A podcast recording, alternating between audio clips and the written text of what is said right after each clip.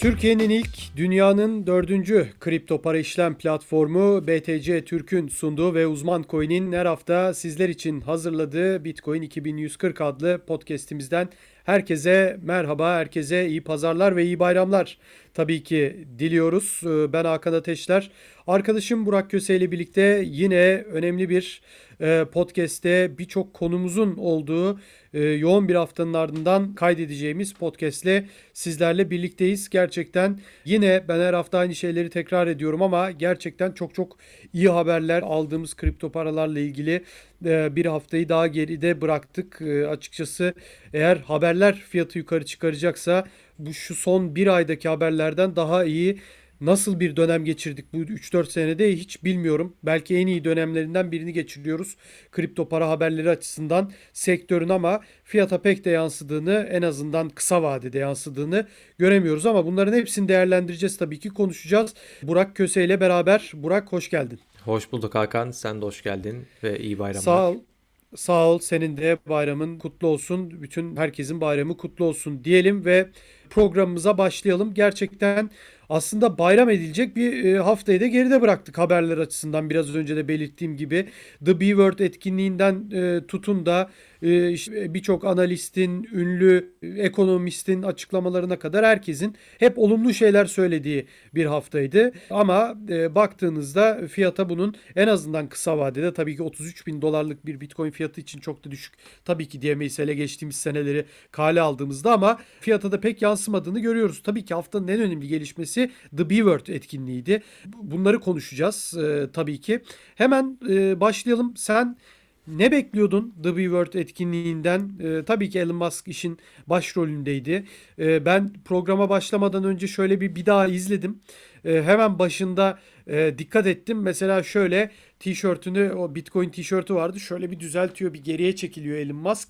Hemen programın başında yani ilk bir dakikanın içinde yani izleyenler onu tekrardan görebilirler. Çünkü şöyle Bitcoin yazısı biraz altta kalıyor. Şöyle bir geriye çekiliyor. Tişörtü de biraz üstte alıyor ve o yazıyı biraz üstte. Ben onu ilk programın başında tabii anlık tweet atmamız gerektiği için çok da fark etmemiştim. Ama e, ikinci kere izleyince gördüm. E, daha detaylı şekilde görebiliyorsunuz böyle 2, 3, 4 kere izleyince. E, yani bu detayı da vermek istedim. Sen neler söylemek istersin? Ne beklentin vardı? Ne buldun? E, Jack Dorsey olsun, Katie Wood olsun, e, evet. Elon Musk olsun. Çok sakin, çok olumlu, çok pozitif. E, Elon Musk özellikle çok çok pozitif açıklamalarda bulundu. Yani e, sen de programdan sonra da konuştuk. Herhalde çok olumsuz konuşsaydı şu an 27 bine falan düşmüştü fiyat. E, olumlu konuştu. Pek artış olmadı. E, neler söylemek istersin? Her açıdan yani fiyat olabilir, beklentilerin olabilir. Söz sende. Aslında şunu söyleyeyim en başta. Ben de B-Word'de beklentimden daha fazlasını bulduğumu söyleyebilirim evet, açıkçası. Evet. Çünkü Elon Musk'ın bu kadar Bitcoin'den olumlu bahsedeceği aklıma gelmezdi. Hatta işte etkinlikten önce genelde şöyle bir korku hakimdi insanlarda. Acaba kötü bir şey diyecek mi? Şimdi ne diyecek? Evet. İşte Bitcoin evet. fiyatında nasıl bir düşüş olur? Bunun gibi sorular vardı birçok insanın kafasında. Ama tam tersi Elon Musk bir Bitcoin tişörtüyle çıktı ve Bitcoin ile ilgili gerçekten olumlu sözler sarf etti. Bunların en başında mesela SpaceX'in Bitcoin aldığını söyledi. Evet. Biz evet. bunu daha önce bilmiyorduk. İşte Tesla'nın aldığını biliyorduk. Aynı zamanda Elon Musk'ın kendi yatırımının olduğunu biliyorduk. Bunların yanında SpaceX'in de Bitcoin yatırımı varmış. Ayrıca işte Tesla'nın Bitcoin kabul etme ihtimalinin yüksek olduğunu belirtti bir anda işte eğer bu pozitif gelişme devam ederse Bitcoin madenciliğinde temiz enerji kullanımına dair Tesla'nın Bitcoin kabul edeceğini tekrar açık bir şekilde söyledi. Evet. Ki evet. zaten şu anki mevcut trendde bunu gösteriyor. Bitcoin'de temiz enerji kullanımı hızlı bir şekilde artıyor. Bu alanda yatırımlar artıyor. Görünen o ki temiz enerji kullanımı Bitcoin'de gelişmeye devam edecek. Zaten tüm madencilik sektörü de Kuzey Amerika'ya kayıyor. Bir kısmı Kazakistan'a tabii ki. Ama Kuzey Amerika'ya gerçekten ciddi yatırımlar var bu anlamda. O nedenle Tesla'nın da önümüzdeki aylarda tekrar Bitcoin kabul etmeye başlayacağını, e, başladığını görebiliriz diye düşünüyorum.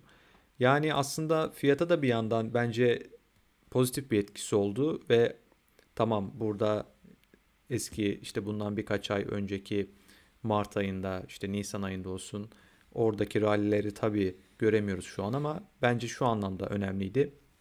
Bitcoin 30 bin doların altındaydı etkinlik öncesinde. 29 bin dolar seviyelerindeydi. İşte 28 binleri görmedi ama 29 Evet. bin dolar seviyelerine kadar düşmüştü. Etkinlik yaklaşırken Bitcoin fiyatında bir yukarı yönlü hareket gördük. 30 bin doların üzerine çıktı Bitcoin fiyatı. 30 32 binin üstüne 32 çıkmıştı binin hatırlıyorum. üstüne 32 çıktı, 400 oldu. Hı hı. Evet evet 32 bin üstüne çıktı ve bugün de mesela 34 bin doları zorluyor şu anda. Ben en son kontrol ettiğimde 33 bin 900 küsür dolar seviyelerindeydi fiyat.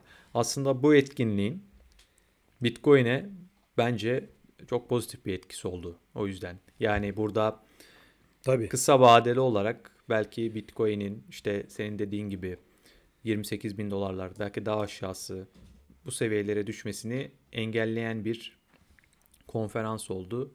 Tabi Elon Musk'ın açıklamalarının olduğu kadar Jack Dorsey'in sözleri de önemliydi. İstersen sen de bize biraz onlardan bahsedebilirsin. Ee, şimdi şöyle söyleyeyim. Ee, bence çok olumlu bir etkinlikti. Ee, bir kere ben e, yine de bunun çok mütevazı, çok sessiz geçtiğini düşünüyorum bu etkinliğin. Özellikle Türkiye'de çok fazla bir ses getirmedi. Ana akım medyada bilmiyorum belki ben de görmemiş olabilirim ama çok fazla haber olmadı ana akımda aslında. Bence olmalıydı. Yani ana akım medyanın özellikle internet sitelerinin işte Elon Musk e, Dogecoin dediği zaman başka bir açıklama yaptığı zaman işte Elon Musk konuştu Dogecoin uçtu gibi böyle kafiyeli de başlıklar attığını düşündüğümüzde buna pek e, ilgi göstermediler. Tabii şunu söylemek lazım. Bence şu açıdan önemli. e, olumsuz giden bir yangını söndürdü diye Evet. düşünüyorum. Yani e, fiyat açısından da öyle. 30 bin, 31 bin, 29 bin gibi e, hatta zannediyorum pazartesi akşamı, pazartesi sabahı özellikle bayramın ilk günü olabilir. Daha fazla düşmüştü. Biraz daha düşmüştü Bitcoin fiyatı ciddi şekilde ve e, daha sonra toparlandı. Bu toparlanma gerçekten çok güçlü bir toparlanma oldu. Zaten 30 bin sürekli olarak bir dayanak noktasıydı, bir kaleydi. Bunu hep söylemiştik seninle. Ve Elon Musk'ın özellikle açıklamaları ve e, etkinlik, The Byword etkinliği burada biraz daha e, bu kaleyi güçlendirdi diye düşünüyorum. Şimdi bunun fiyat dışındaki önemi şu. Şimdi bakıyorsun SpaceX'in ve Tesla'nın CEO'su orada. Twitter yani bugün dünyada herhalde en etkin sosyal mecralardan sosyal mecra hatta yani Facebook'u falan saymaya gerek yok artık. En güçlü sosyal mecra mecra Twitter ve en güçlü şirketlerden biri ve onun e, Square'in CEO'su orada. İşte Ark Invest'in e, CEO'su orada. Yani çok büyük bir etkinlik aslında. Evet böyle Evet. internetten, YouTube'dan canlı yayın e, falan pek ilgi çekmedi bizde ama Avrupa medyasını bilmiyorum açıkçası. Avrupa medyasında da yani biz zaten bütün hafta neredeyse bu tür çevreleri yapıyoruz ama e, pek bunun etkisini de görmedik. Yani oldu ve bitti. Ama dikkat et dünyanın en büyük şirketlerinin bazılarının e, CEO'larının sadece Bitcoin'i tartıştı. Yani bu aslında ben e, hala e, bunun mesela mutluluğunu yaşıyorum desem e, biraz abartı olacak biliyorum ama şu açıdan e, düşünebiliyor musun? Bunu hep seninle konuşuyoruz. Geçmişte 3 sene önce 2 sene önce hala Bitcoin'in statüsünü tartışırken Bitcoin'in işte bir dolandırıcılık mı olduğu tık herhalde. Yani orada Bitcoin tartıştığını görüyorsunuz. Ve tartışma da değil aslında. Bir e, birbirlerini onaylama ve birbirlerinin yorumlarına ekleme yapma etkinliğiydi. Hiç araları da açıklık getirdi. E, şunu söyledi. Biz dedi şirket olarak dedi Bitcoin'in fiyatı arttığı zaman madencilikte arttığı için çevreye verdiği zarar daha fazla oldu. Biz bunu şey yapamayız. e, kabul eden bir şirket olamayız dedi. Bunu tabii ki tartışabiliriz. Bunu e, doğru bulanlar vardır. Sebep gösteriyor diyenler vardır. Bir sürü şey olabilir. Bu ayrı bir konu. Ama bunun dışında bir tartışma olmadı. Sadece e, şu oldu yani birbirlerine eklediler işte. Jack Dorsey PayPal günlerinden e, bahsetti öbürkü Afrika örnekleri verildi. İşte Jack Dorsey özellikle dünya barışını getirmesini umuyorum dedi. Programın sonunda ne umuyorsunuz Bitcoin'den en sonunda dedi. Jack Dorsey'ninki tabii ki bir çok büyük bir hayal aslında. Dünya Evet. barışı. Bunu senle de hep konuşurduk. Yani Konuşurduk. e, ge- Evet, konuklarımıza da sorardık hep. Dünya barışını getireceğine inanıyor musunuz? Ee, böyle bir abartı mı değil mi? Fakirliği mi bitirir? Böyle bir hani bir hatta Şant Manukyan'a ben sormuştum. O an ağzımdan o kelime çıkmıştı. Bir Mesih mi geliyor falan gibi bir soru da sormuştuk. Yani ta Aralık ayında biz bunları konuşuyorduk. Jack Dorsey bunu resmen söyledi. Bu ben bir barış e, dünya barışı getireceğini düşünüyorum dedi. Evet. Yani bunu da aslında Bitcoin savunucuları tarafından bu sıklıkla dile getirilen bir şey. Yani Evet, Bit- evet. Bitcoin'in Bitcoin'in savaşlara nasıl son verebileceğini senin de bahsettiğin gibi biz e, daha önceki podcast serimizin birinde konuşmuştuk bu konuyu. Yani Tabii. belki buna da kısa bir değinmek gerekebilir. Yani izleyicilerin, dinleyicilerin kafalarında belki şöyle bir soru işareti oluşabilir. Yani Bitcoin ne Tabii. ki dünya savaşına son verecek diye denebilir yani aslında. Aslında burada hani bu şu anda Bitcoin ama belki Bitcoin açtığı bu yolda başka bir kripto para ilerleyen yıllarda buna son verecek belki de tabii bunu bilemiyoruz. Ama şu Evet. anda Evet. Bitcoin gibi gözüküyor. E, bu nasıl olacak bu Tabii. iş? Şöyle yani 2020'de rakamlara baktığımızda 2 trilyon dolarlık bir savaş askeri harcama yapılmış tüm dünyada. Yani bunu devletler bu e, savaş finansmanını, bu askeri harcamaları nasıl finanse ediyorlar? Geldiğimizde burada para basma güçleriyle, sınırsız bir şekilde para basma güçleri var. Borçla. Rahatlıkla, rahatlıkla dediğin gibi borçla, rahatlıkla para basabildikleri için tüm bu harcamaları bir şekilde finanse edebiliyorlar ama bunların bir yerde enflasyon olarak da geri döndüğünü görüyoruz Tabii. ve Tabii. bu da direkt insanların, bizim, senin, benim, işte herkesin bir yerde yaşamlarına kötü etki ediyor bu durum. Burada Bitcoin'i tabii devletler istedikleri gibi basamayacaklarından bunun gibi askeri harcamaları finanse etmek de bu kadar kolay olmayacak. O yüzden Bitcoin'in bir dünya barışı tesis edebileceği düşünülüyor yani. Bir Bu- de o işin e, biraz daha sözünü kestim ama şey kısmı yani dışarıdan görünen kısmı. Bir de şu var.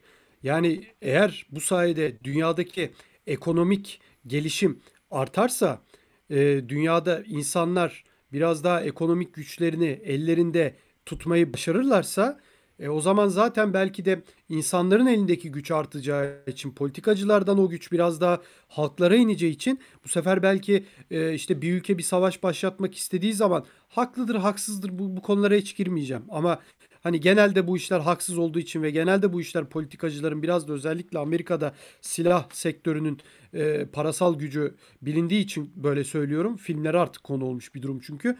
Hani insanlar belki hayır diyecekler. Hayır kardeşim ne Afganistan'ı ne Irak'ı artık ya diyecek mesela Amerikan halkı. Atıyorum. Belki uzun vadedir, belki 15 yıldır. Ama insanlar ekonomik anlamda güç sahibi olurlarsa bu sefer politikacıların burada pek bir gücü olmayacak. Yani işin tabii ki savaş olmayıp bu ekonominin halka yansıması var. Bir de Bitcoin sayesinde halkın alım gücünü güçlü tutup bu sefer politikacıya bir kararı dayatma zaten olması gereken bu demokrasilerde de hani günümüzde onu herkes birbirine e, uydurmuş durumda. Yani biz oraya yok barış için gidiyoruz. O oydu buydu yani o uzun konular şimdi ama hani en azından halk derse ki herhangi bir halk dünyadaki derse ki istemiyorum kardeşim böyle bir savaş nereden çıktı bu bizim keyfimiz yerinde mesela atıyorum. Böyle derse e, zaten o savaşa gerek kalmayacak. Hani senin dediğin kısım savaş olmazsa zaten bir ekonomi kurtulacak. Bir de işin bu kısmı var. Yani belki de savaş gerektiğinde bile bazı politikacılar için kaçınılmaz olduğunda bile bu sefer halk orada devreye girecek. Hayır kardeşim diyecek. Bizim keyfimiz yerimizde. Onların da keyfi yerinde. Hiç gerek yok buna diyecek. Konu kapanacak belki. Bu da işin bence bir yönü. Bir de şu var, onu da ekleyelim. Yani burada Bitcoin bir yandan insanları tasarrufa yönlendiren bir para Tabii. olduğu için sonuçta biz Türk lirası olsun, dolar olsun, diğer dünya para birimleri olsun. Bunlar direkt böyle ele geçtiği zaman harcanan para birimleri. Çünkü Tabii. hem dolarda hem diğer para birimlerinde gerçekten ciddi bir enflasyon var. Bugün aynı paraya aldığın şeyi bundan bir sene sonra alamıyorsun. Belki iki katını ödemek zorunda kalıyorsun. Bazı Tabii, ülkelerde tabii. 10 katını ödüyorsun ve parayı harcıyorsun sürekli.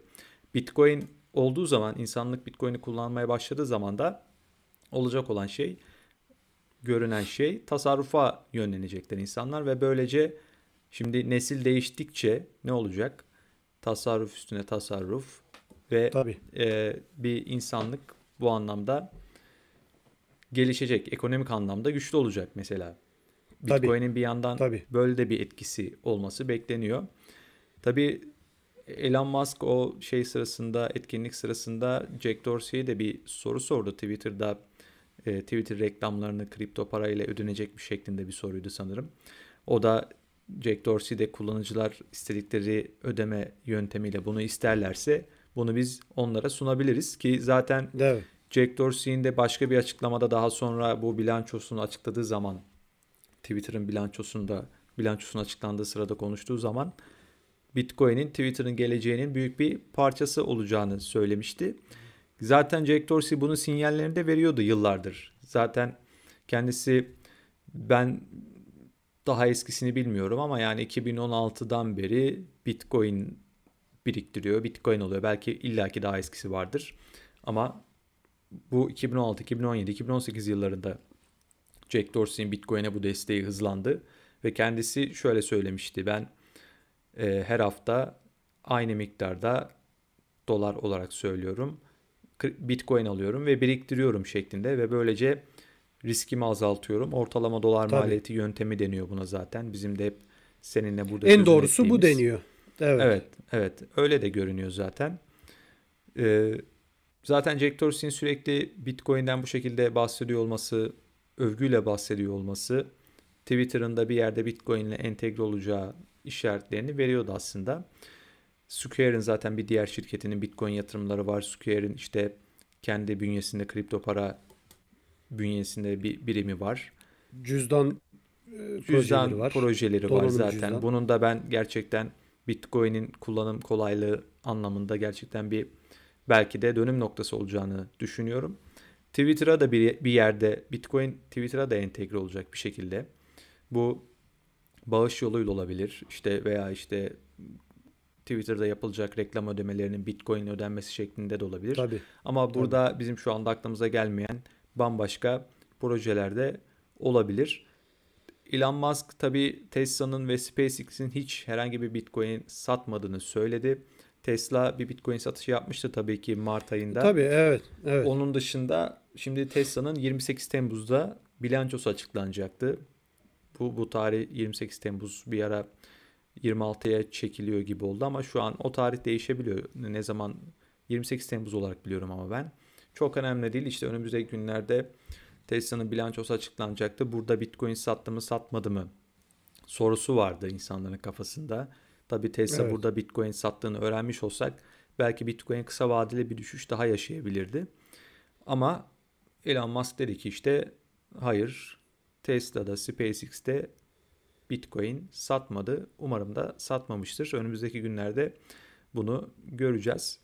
Yani özetle hep programın başında da söylediğimiz gibi gerçekten etkinlik olumlu bir atmosferde geçti ve Bitcoin'i buradan 30 bin doların altından alarak 30 bin doların üzerine tekrar attı ve belki de bu hani o beklenen eski zirvenin yakalanması için önemli belki de en önemli noktaydı. Bunu aslında önümüzdeki aylarda göreceğiz.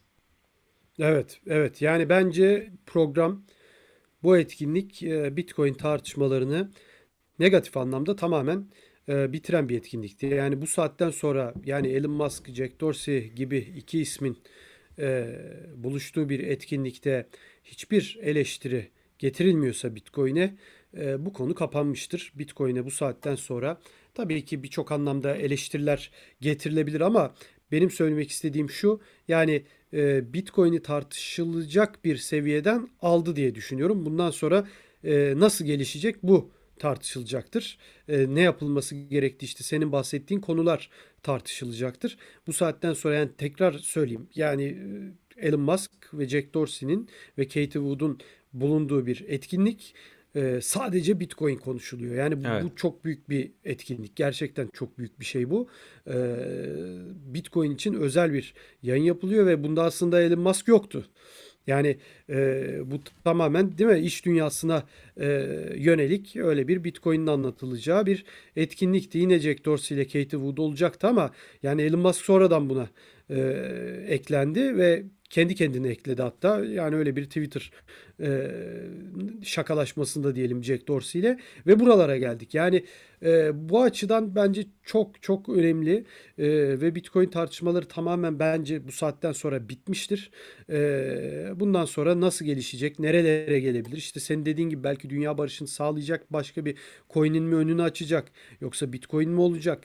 E, ne olacak? Bunlar tartışılacaktır ama işte Bitcoin de ya işte hafif bir dolandırıcılık mı sıfıra iner mi bu saatten sonra bu tartışmaların ben tamamen e, yok olduğunu düşünüyorum. Bunun da miladı bu etkinliktir diye düşünüyorum. Yani bazen kendi kendime de e, bu, bu anlamda bir iki üç gündür düşünüyorum ya ben mi abartılı acaba fikirler söylüyorum diye ama yani oraya çıkan insanların e, güçleri, maddi güçleri, sosyal güçlerine bakıldığında e, gerçekten küçümsenecek bir etkinlik değil. E, dediğim gibi herhalde bir Jeff Bezos ve belki bir iki büyük iş adamı daha eksikti. Onun dışında gerçekten e, Bitcoin tartışmalarının olumsuz anlamda tamamen sonlandığı bir etkinlik olduğunu düşünüyorum. E, başka söyleyeceğim bir şey yoksa diğer başlıklar var. Gerçekten de Amazon'un e, bir blok zincir yöneticisi, dijital para ve blok zincir yöneticisi araması var. Raul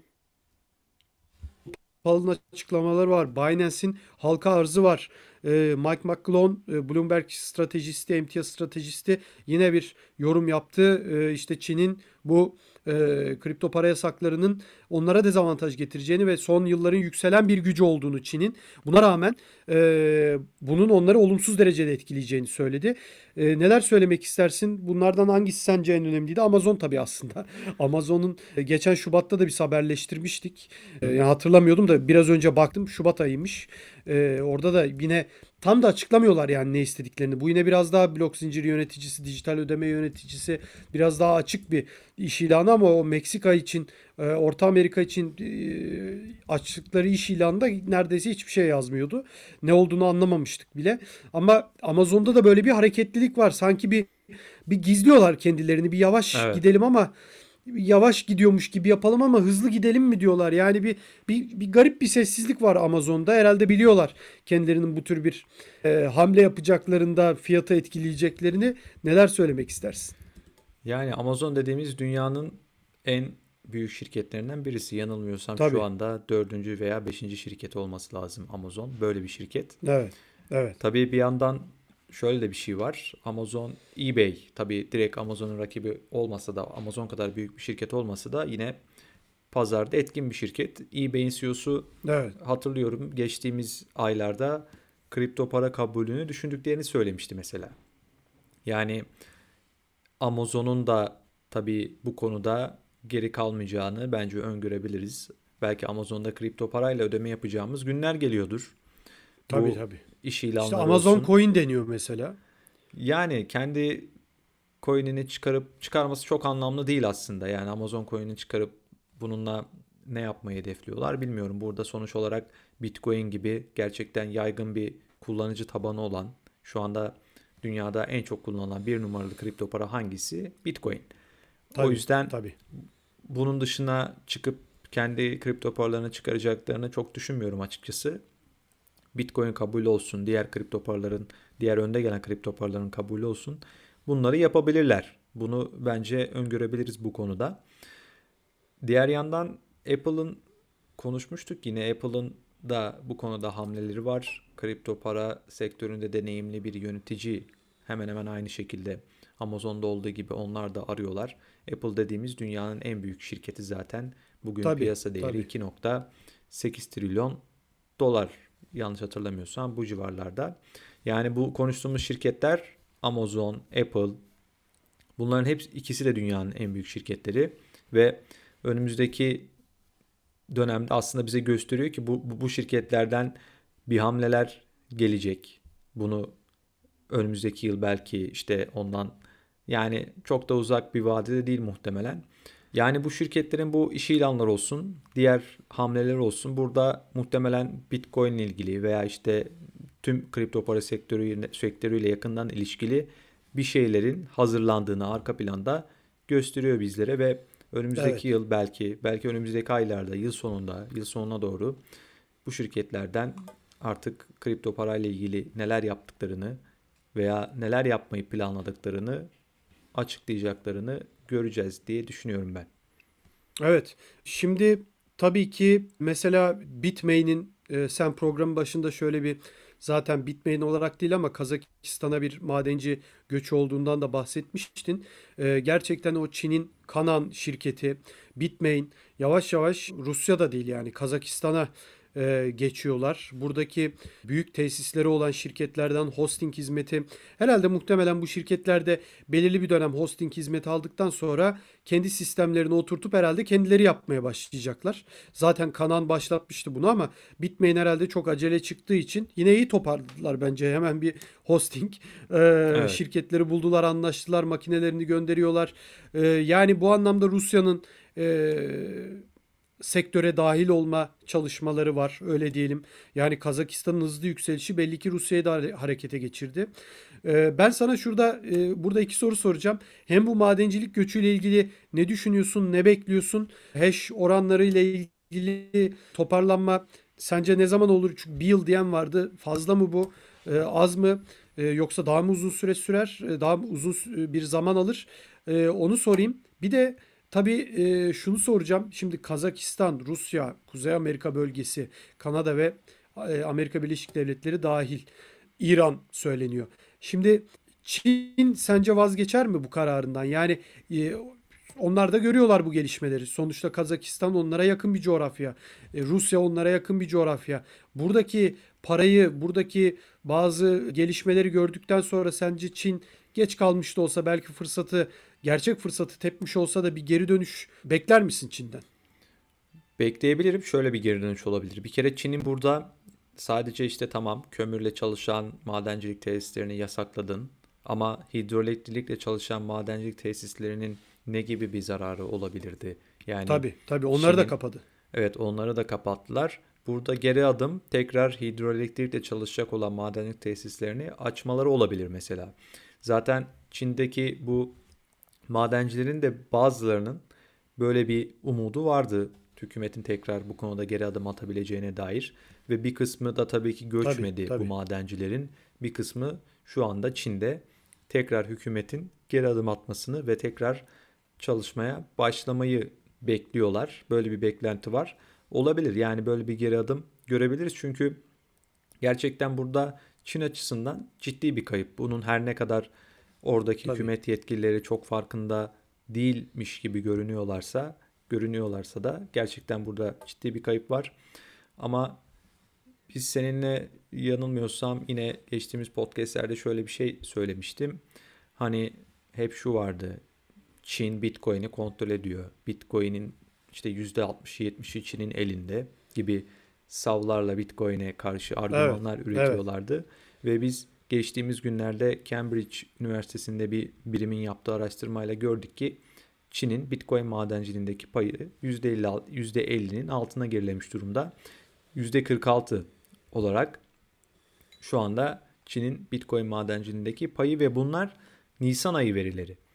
Yani zaten bütün bu Yüksek olaylar sayılır. tabii yüksek. Bütün bu dediğimiz olaylar Nisan'dan sonra oldu.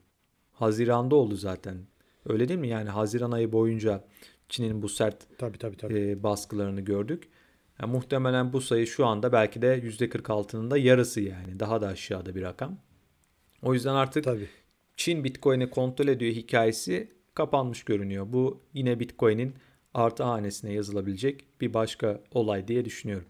Sen işte biraz önce dediğim gibi bu hash oranlarının toparlanması ya da adı toparlanma mı diyelim ona ne diyelim. Nasıl bir gelişme bekliyorsun ve bunun Şey- genel manada Bitcoin'e de etkisi nasıl olur sence? Şu son, son soruyu tekrarlar mısın? Şey oldu ya. Benim görüntü gitti de bağlantı gitti. Tamam. yine. Yani burada şimdi tabii bu madencilerin göç e, hareketiyle ilgili ne söylemek istersin? Gerçekten çok hızlı bir göç hareketi oldu. Çok hızlı gidecek yer buldular. Yani dediğin gibi sonuçta bir buçuk iki ay oldu oldu da bu operasyon yapılalı. Neler söylemek istersin? Hash oranlarının toparlanması ya da toparlanma mıdır bunun adı? Beklentilerin nedir uzun vadede ve bu madencilik çalışmalarının oturmasıyla beraber işte Kazakistan, Rusya, Kuzey Amerika üçgeni merkezli diyelim. E, burada oturmasıyla beraber Bitcoin etkisi ne olur sence? Nasıl bir endüstri düzene mi girer mesela? O, o açıdan sormak istiyorum. Yani şu anda ya aslında da şimdi değil mi düzende? Şu anda şu anda aslında düzende. Neden düzende? Çünkü evet. Bitcoin ağında ne var? İki haftada bir zorluk ayarlaması dediğimiz bir şey var. Evet. Bitcoin ağında bu madencilik tesisleri atıyorum bir kısmı kapandı. Bitcoin hash rate'i ki bu Bitcoin Düştü. üretiminde kullanılan cihazların toplam işlem gücünü ifade eden bir terim. Bu diyelim düştü. Artık hash rate yarı yarıya düştü diyelim. Zorluk ayarlaması günü geldiği zaman ki bu iki haftada bir yapılan bir şey. Tekrar bu hash rate'deki düşüşler bir yerde dengeleniyor ve tekrar Evet. normal seyrine devam ediyor Bitcoin ağı. O yüzden Bitcoin ağı bu anlamda esnek, işte dayanıklı aslında dayanıklı bir sistem. Bu son Çin'deki madencilik sektörüne dönük bu yasaklamaların, kapatmaların o kadar çok ses getirdi ki ama gelinen noktada baktığımızda Bitcoin'e aslında çok da bir etkisi olmadı tüm bunların. Olmadı, Bit- Bitcoin'in doğru. işleyişine bir etkisi olmadı. Ve bu da Bitcoin'in dayanıklılığını bir şekilde net şekilde gösteren bir olay oldu. Belki de Bit- Çin tüm bunları Bitcoin'i bitirmek için yapmaya çalıştı yani aslında bu Bitcoin'e bir saldırıydı bir yerde. Ama burada Bitcoin'in biz dayanıklılığını gördük. O yüzden bundan sonra aslında şu anda Bitcoin anda şey bir durum yok. Aslında normal seyrinde çalışmaya devam ediyor. Hash rate şu anda uzun bir zamandır dengelendi. Uzun bir zamandır işte sabit bir şekilde devam ediyor. 100 exahash seviyelerinde ilerliyor şu anda. Ama Evet. bu önümüzdeki dönemde muhtemelen artmaya devam edecek hash rate. Çünkü hani madencilik göçü dediğimiz olay halen devam ediyor. Mesela Kuzey Amerika'da faaliyet gösteren bir madencilik şirketinin CEO'su geçtiğimiz günlerde şey demişti. Amerika'da e, 500 bin, Çin'den gelen 500 bin madencilik cihazı işte çalıştırılmak için yer aranıyor bu cihazlara demişti mesela. 1 milyon rakamları var. İşte 1 milyon Tabii. Çin'den gelecek olan 1 milyon madencilik cihazı için tesisler hazırlanıyor. Bunun hazırlığı yapılıyor. E tüm bunlar tamamlandığı zaman burada bu cihazlar çalışmaya başladığı zaman hash rate burada tekrar yükselişe geçecek. Tekrar e, 200 mesela en son 200 exahash'i görmüştük zirve seviyesi olarak. Tekrar bu seviyeyi yani yıl sonunda en azından yıl sonunda ben yakalayacağımızı düşünüyorum. Zaten Evet. şunu da ben söylemek istiyordum bu arada Bitcoin fiyatı için. Biz e, enteresan bir döneme giriyoruz aslında Bitcoin anlamında, Bitcoin bağlamında. Çünkü 2013 mesela bir boğa sezonu 2013 yılında Bitcoin 1000 doların üzerine çıktığı dönemi kastediyorum. 100 dolar seviyelerinden 1000 dolara çıkmıştı. 2017 bir diğer boğa sezonu ki senin de ve benim de gerçekten içinde olduğumuz ve tanık olduğumuz bir inanılmaz boğa sezonuydu. Orada da Bitcoin fiyatı işte 2000 dolar seviyelerinden mesela birkaç ayda 20 bin dolara kadar çıkmıştı. Peki tüm bunların gerçekleştiği periyotta neresi? Ekim ve Aralık ayları arasında. Tabii. Boğa dönemlerinde hani eğer burada bir mevsimsellik mi var bilmiyoruz. Mevsimsellikten söz edeceksek boğa dönemlerinde, boğa sezonlarında Bitcoin'in, Bitcoin fiyatındaki esas patlamayı Ekim ve Aralık dönemlerinde görmüşüz aslında şimdiye kadar. Ve Kasım ayında da Taproot dediğimiz Bitcoin'de Segwit'ten Doğru, sonraki doğru. en büyük güncelleme olan bir güncelleme var. Kasım ayında bunun aktif edilmesi bekleniyor. Peki bundan önceki Segwit ne zamandı? 2017 yılındaki boğa sezonu sırasında. Segwit de yine Ağustos ayında etkinleştirilmişti. 2017 Ağustos'unda. Hemen hemen bu dönemlere denk geliyor. Yani ilginç bir dönem bekliyor olabilir bu açıdan bizi. Onu demeye Tabii. çalışıyorum. Şimdi e, zaten onu soracaktım. E, ben bunu sana hep soruyorum. Yaklaşık yani 62 bölüm e, senle podcast yaptık. Hep konuştuk. Ben hep sana şu soruyu sorduğumu hatırlıyorum. Yani daha önce olmuş olması gelecekte de olacağı anlamına mı gelir diyordum. Sen tabii ki hayır ama hep böyle oldu diyordun. Ve e, herhalde hep böyle olacak. Çünkü e, Bu boğa sezonda da böyle oldu. Hatırlarsın geçen yaz da bunları konuşuyorduk. Eylül-Ekim aylarında konuşuyorduk. Hatta 17 Aralık'tı zannediyorum e, son all time high'ı 2017'de Bitcoin'in. E, Evet. Daha sonraki all time high da 17 Aralık'ta geldi. Yani artık Evet. e, ya da bir, bir gün vardı hatırlamıyorum. 16, 17 ya da 18'den Yani biriydi. ben- yani ben- artık Ben şunu çok net hatırlıyorum. Hatta sen bunun bir tweetini atmıştın. 25 Aralık'ta 25 bin dolar, 26 Aralık'ta 26 bin dolar. Geçtiğimiz doğru. dönemde. yani doğru doğru. ilginçti gerçekten.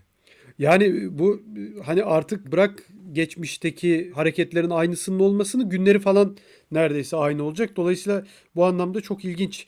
Yani şu şu söylediklerinden sonra işte 2017'de şu, şu olmuştu. 2013'te bu olmuştu. Belki bizleri yeni yeni dinleyen insanlar, yeni yeni podcastlere böyle gelen bir kitle de var çünkü. Diyordur ki ya kardeşim 2013'te oldu diye, 2017'de oldu diye şimdi de mi olacak?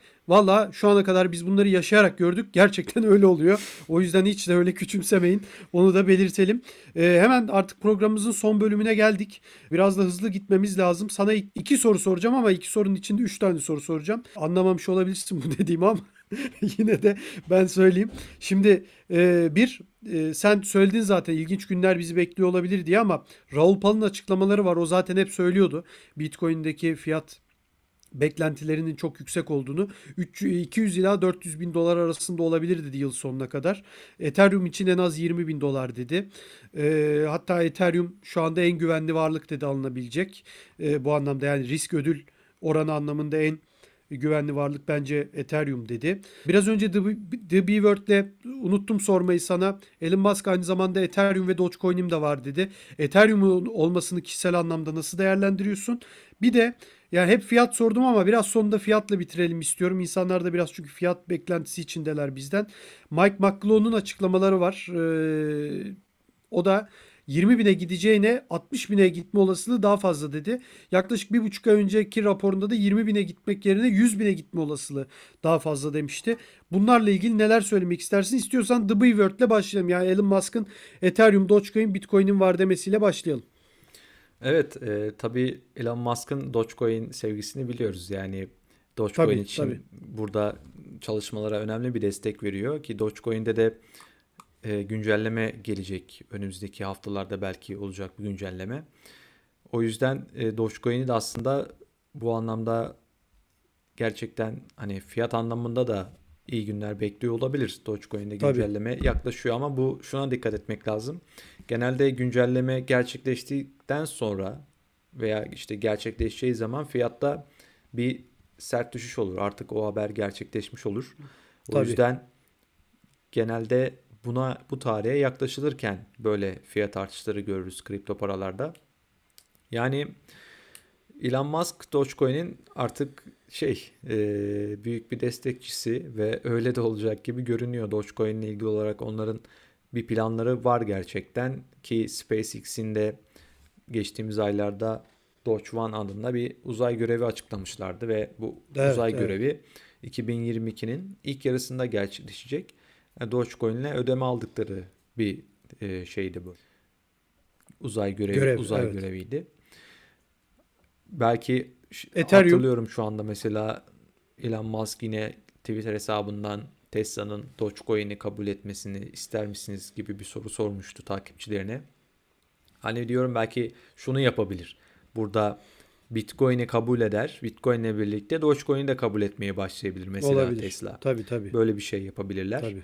O yüzden Tesla'nın işte Elon Musk'ın Dogecoin yatırımı olması çok da şey değil. Ee, Ethereum için ne söyleyeceksin? Yani Ethereum konusunda da çünkü ikinci en büyük kripto para ve yine 2017'de olduğu gibi işte Bitcoin'in yerini alır mı? İşte bu sefer üzerinde tabii DeFi projeleri var. Çok çok büyüdü. Yeni geliştirmeler var. Londra Hard Fork'undan sonra bambaşka gelişmeler olması bekleniyor. Güncellemeler olması bekleniyor Ethereum 2.0'a doğru. Neler söylemek istersen? Yani Ethereum da var dedi. Bu da mesela çok fazla konuşulmadı diye düşünüyorum. Evet yani Ethereum zaten o da önemli, önemli güncellemelerden geçecek. Dediğin gibi önümüzdeki 4 Ağustos'ta mesela Londra Hard Fork'u var. Burada Evet. gelecek olan güncellemede Ethereum'da deflasyonist bir kripto para artık öncekinden daha deflasyonist bir kripto para olacağı söyleniyor. Burada tabii mekanizmalara baktığımız zaman Ethereum'da Loan Hard Fork'u devreye girdiği zaman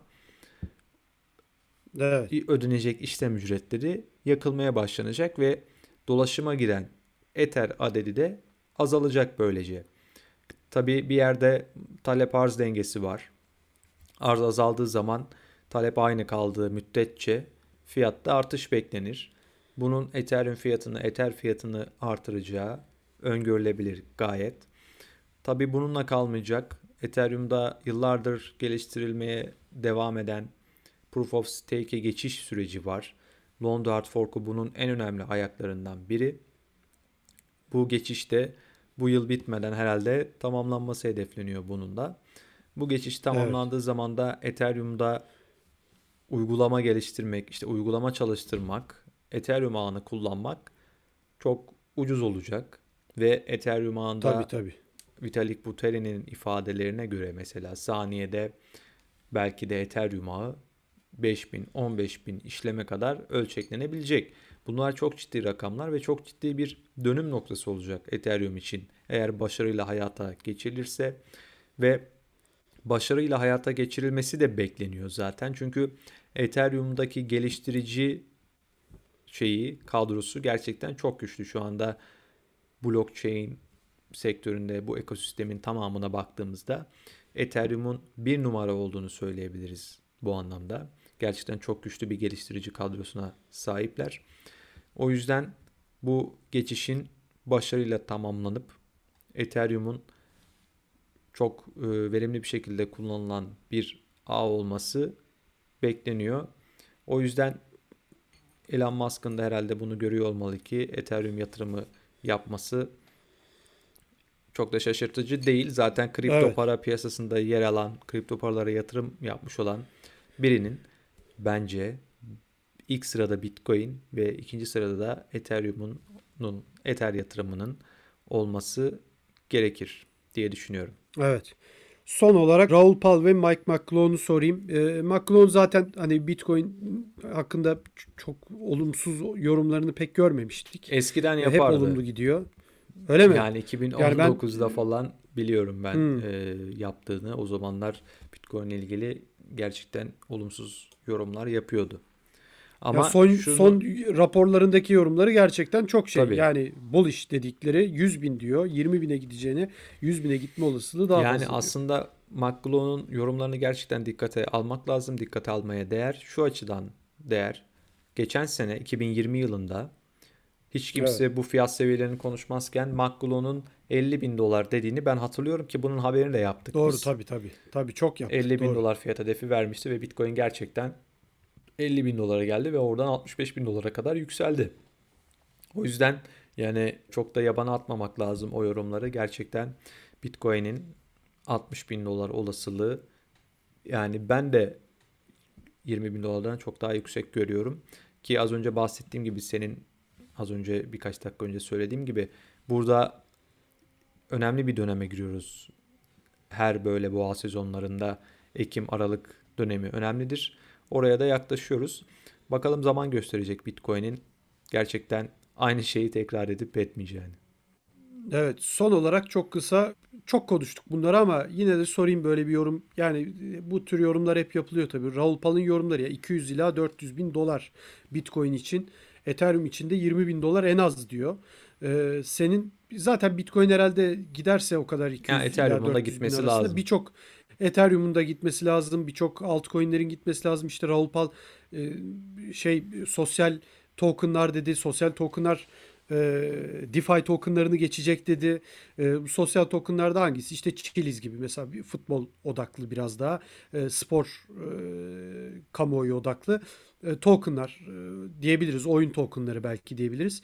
Hani sen tabii Bitcoin giderse onların hepsi bence gider. Uçar gider. Yani projenin ne olduğundan Çok bağımsız olarak gideceğini düşünüyorum. Çok yani o gerçekten kripto para dünyasının o dişlileri biraz öyle çalışıyor. Bitcoin'e bağlı çalışıyor. O yüzden hani çok fazla o diğer coinlere hiç girmeye gerek yok.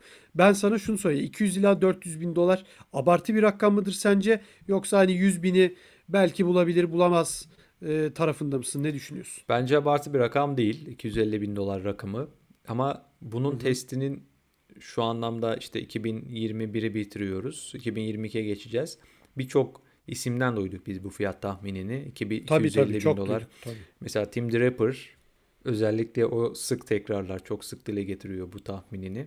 Şimdi O 2018'de falan bile söylemiş olabilir yani Bitcoin 5000 dolarken falan evet bile evet. söylemiş olabilir. O çok söylüyor. Evet evet Sö- söylediğini hatırlıyorum ben de. Yani iki- 2022 özellikle 2021'in sonları 250 bin dolar fiyat tahmini bakalım yani doğru mu çıkacak? İşte o döneme geldik. Yıllardır biz bu dönemi Tabii bekliyorduk. tabii tabii. Şimdi Tabii, bu fiyat doğru. tahminlerinin gerçekleşip gerçekleşmeyeceğini göreceğiz. Ama 250 bin dolar bence abartı bir fiyat tahmini değil. Zaten hani 60 bin dolar seviyelerinin bu kadar ne zaman gördük 60 bin doları? İşte Mart ayında gördük. 60 bin doların Tabii, üzerini tabii. gördük. Onun bu kadar kısa sürede gelmiş olmasını göz önüne aldığımızda yani 250 bin dolarında önümüzdeki bir yılda, bir yıl içinde, belki iki yıl içinde gerçekleşmesi sürpriz olmaz bence. Yani Bence o de yüzden öyle. Çok da uçuk kaçık fiyat tahminleri gözüyle bakmıyorum bunlara. Ağzına sağlık. Çok teşekkürler. Senin de ağzına sağlık Hakan. Sana da Evet. teşekkür ediyorum. Ee, Bir Bitcoin 2140 podcast'imizin daha sonuna geldik. Türkiye'nin ilk, dünyanın da dördüncü kripto para işlem platformu BTC Türk'ün katkılarıyla hazırladığımız ve e, Uzman Coin'in her hafta sizler için hazırladığı Bitcoin 2140 adlı podcast'imizden bizden bu haftalık bu kadar. Ben Hakan Ateşler. Arkadaşım Burak Köse ile beni dinlediğiniz için çok teşekkür ediyoruz. Gelecek hafta görüşmek dileğiyle. Hoşçakalın.